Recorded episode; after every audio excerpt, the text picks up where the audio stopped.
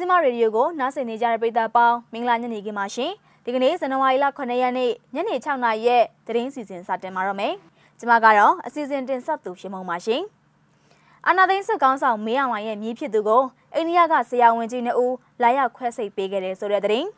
စကိုင်းတိုင်းတွင်းကမြို့နယ်တချို့မှာမိုဘိုင်းဖုန်းလိုင်းတွေဖျက်တောက်ခံထားရတယ်ဆိုတဲ့သတင်း တရက်ချောင်းမှာအသက်မပြည့်သေးတဲ့ကလေးငယ်3ဦးအပါအဝင်ပြည်သူလေးဦးကိုစစ်တပ်ကဥကောင်းကိုတနက်နဲ့ပစ်တက်ခဲ့တယ်ဆိုတဲ့သတင်းတွေအပါအဝင်ကြိုက်ထုံမြို့နယ်အတွင်းမှာရှိတဲ့ကျောင်းရှိလုံခြုံရေးဂိတ်ဘုံပေါက်ခဲ့တဲ့သတင်းတွေကိုတင်ဆက်ပေးတော့မှာပါ။ဦးဆောင်သတင်းတစ်ပုဒ်အနေနဲ့မြန်မာနိုင်ငံကစစ်ကောင်းဆောင်မင်းအောင်လှိုင်ရဲ့မြည်ဖြစ်သူကိုအိန္ဒိယနိုင်ငံဟိုက်ဒရာဘတ်ကနှလုံးခွဲစိတ်ဆရာဝန်ကြီးနှစ်ဦးဟာရန်ကုန်ကိုလာရောက်ပြီးတော့ခွဲစိတ်ပေးခဲ့ကြောင်းအိန္ဒိယခြေဆိုင်တဲ့ဟန်ဒူကရေးသားထားပါတယ်။2021ခုနှစ်ဒီဇင်ဘာလအတွင်းမှာ မင်းအောင်လှိုင်ရဲ့မြည်ဖြစ်သူကိုသူတို့နှစ်ဦးကခွဲစိတ်ပေးခဲ့ကြောင်းဒေါက်တာရာယိုကပြောခဲ့တာဖြစ်ပါတယ်။ကိုလသားကလေးငယ်ဟာမွေးရပါနှလုံးရောဂါပါလာတာပါ Rainbow Children's Hack ကပညာရှင်အဖွဲ့ဟာကလေးရဲ့ပုံမှန်မရှိတဲ့နှလုံးအခေါင်ပေါက်ကိုကုသခဲ့ပါတယ်။နောက်နေ့မှာပဲကလေးကစိတ်ယုံကစိတ်နိုင်ပြီးတော့ခွဲစိတ်ပြီးတဲ့နောက်ပုံမှန်ပြန်ဖြစ်လာခဲ့ပါတယ်လို့ထုတ်ပြန်ချက်မှာပါရှိပါတယ်။အဲ့ဒီခရီးစဉ်အတွင်းမှာပဲသူတို့အဖွဲ့ဟာမွေးရပါနှလုံးအခေါင်ပေါက်ကျဲတဲ့ကလေးငယ်15ဦးကိုခွဲစိတ်ကုသပေးခဲ့ကြောင်းလည်းသိရှိရပါတယ်။ သူတို့ကမြန်မာနိုင်ငံကအထူးကုဆရာဝန်တွေကိုလည်းလေ့ကျင့်သင်ကြားပေးခဲ့တယ်လို့ဒေါက်တာရာယိုကဆိုခဲ့တာပဲဖြစ်ပါတယ်ရှင်။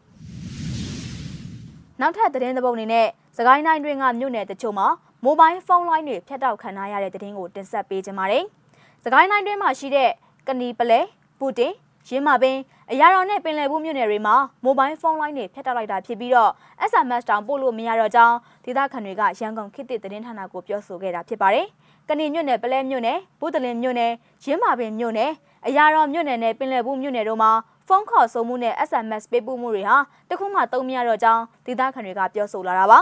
။ပလဲနယ်ဖုန်းလိုင်းဖြတ်ခံထားရတယ်။ MD လိုင်းကတော့တချို့နေရာတွေမှာရပေမဲ့မရတဲ့နေရာကများတယ်။ တခြားဖုန်းလိုင်းတွေလည်းမရဘူးဆက်လို့ကိုမရတာ SMS လည်းပို့လို့မရဘူးလို့ဒေသခံတအုပ်ကပြောကြားခဲ့တာပဲဖြစ်ပါတယ်။ပင်လယ်ဘူးမြို့နယ်မှာလည်းဒီကနေ့မွန်းလွဲ12နာရီချိန်မြို့ပေါ်ကစစ်ရင်ရ40ခန်းဟာပင်လယ်ဘူးမြောက်ပိုင်းကိုတွားစဉ်တခုရဲသော Mytel ဖုန်းလိုင်းတွေဖျက်တောက်ခံလိုက်ရကြောင်းဒေသမြေပြင်ကင်းထောက်ပြရကသတင်းထုတ်ပြန်ပါတယ်။စစ်ကြောင်းရွှေ့ပြောင်းသတင်းပေးမှကိုကြောက်လို့နောက်တစ်ခုကတော့ဖုန်းနဲ့အဝေးထိန်းမိုင်းတွေခွဲမှဆိုလို့စစ်ကြောင်းတိုင်းမှာဖုန်းလိုင်းဖြတ်တဲ့ဂျမ်ဘာတွေလည်းမပေးနိုင်တော့ဖု န်းလိုင်းအကုန်ဖျက်ပစ်တာလို့ထင်ပါတယ်။ဒေသခံပြည်သူတွေကတော့စီးပွားရေးလူမှုရေးအရန်ထိခိုက်တယ်လို့ဒေသခံ PDF တပ်ဖွဲ့ဝင်တအုပ်ကပြောကြားခဲ့တာပါ။စကိုင်းတိုင်းကမြို့နယ်အများစုမှာအစကတော့မိုဘိုင်းဖုန်းအင်တာနက်လိုင်းတွေဖြတ်တောက်ထားရကအခုခါမှာမိုဘိုင်းဖုန်းလိုင်းတွေကိုပါဖြတ်တောက်လာတာဖြစ်ကြောင်းသိရှိရပါတယ်။တရချောင်းမှာတော့အသက်မပြည့်သေးတဲ့ကလေးငယ်၃ဦးအပါအဝင်ပြည်သူလေးဦးကိုစစ်တပ်ကပြစ်တက်ခဲ့တဲ့တဲ့ရင်ကိုတင်ဆက်ပေးကြပါမယ်။တနင်္သာရီတိုင်းတဝဲမြို့နယ်တရချောင်းမြို့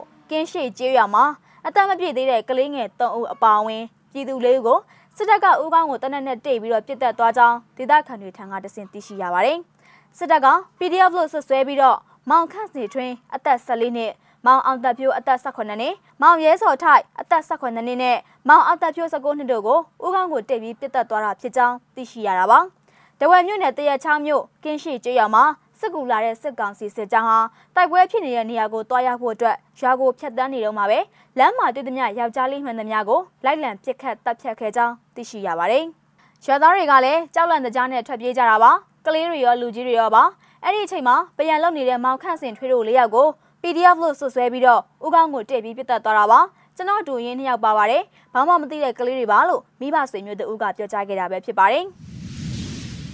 နောက်ဆုံးသတင်းသဘောအနေနဲ့ကြိုက်ထုံမြို့နယ်အတွင်းမှာရှိတဲ့ကြောင်ရှိလုံခြုံရေးဂိတ်ဘုံပေါက်ခဲ့တဲ့သတင်းကိုတင်ဆက်ပေးချင်ပါတယ်။မွန်ပြည်နယ်ကြိုက်ထုံမြို့နယ်အတွင်းမှာရှိတဲ့အထက်တန်းကျောင်းတစ်ကျောင်းရဲ့ရှေ့မှာဘုံပေါက်ကွဲခဲ့တာဖြစ်ပြီးကျောင်းသူတို့အပါအဝင်စုစုပေါင်း3ဦးထိခိုက်ဒဏ်ရာရရှိခဲ့တာပဲဖြစ်ပါတယ်။အထက်တန်းကျောင်းဟာကင်းမော်ချောင်းကျေးရွာမှာရှိတာဖြစ်ပြီးတော့ဘုံပေါက်ကွဲမှုကြောင့်ကျောင်းသူတို့နဲ့ကျောင်းသားမိဘတို့ထိခိုက်ဒဏ်ရာအနှဲငယ်စီရရှိခဲ့တဲ့အပြင်ရဲတွေဦးလည်းဘုံစာထိမှန်ဒဏ်ရာရရှိခဲ့တယ်လို့ဒေသခံတွေကပြောကြားခဲ့ပါတယ်။ ပောက်ကွဲမှုဖြစ်သွားတာကကြောင်းတက်တဲ့အချိန်မှာမနက်၈နာရီခွဲလောက်မှာပောက်ကွဲမှုဖြစ်ပြီးတော့လူတွေအကုန်လုံးလည်းထိတ်လန့်ကုန်ကြပါတယ်။ကျောင်းသားတွေကိုလည်းအကုန်လုံးကြောင်းပြန်လှုပ်ပေးလိုက်ရတယ်လို့ဒေသခံတအုပ်ကပြောကြားခဲ့တာပဲဖြစ်ပါတယ်။ဇန်နဝါရီလ6ရက်နေ့မနက်၈နာရီခွဲအချိန်ခန့်မှာကင်းမွန်ချောင်းကျေးရွာအထက်ကကျောင်းရှိမှရှိတဲ့လုံခြုံရေးကင်းတဲမှာဘုံပေါက်ကွဲမှုဖြစ်ပွားခဲ့တာပါ။ဘုံပေါက်ကွဲမှုဖြစ်စဉ်ကြောင့်ထိခိုက်မှုရှိခဲ့သူ၃ဦးကိုကင်းမွန်ချောင်းတိုက်နယ်စေယုံကိုပို့ဆောင်ထားရတာဖြစ်ပြီးစိတ်ကူးတမှုခံယူနေကြပါတယ်။ ဘုံပေါက်ကွဲမှုဖြစ်စဉ်နဲ့ပတ်သက်ပြီးတော့စစ်ကောင်စီတပ်ဖွဲ့ဝင်တွေက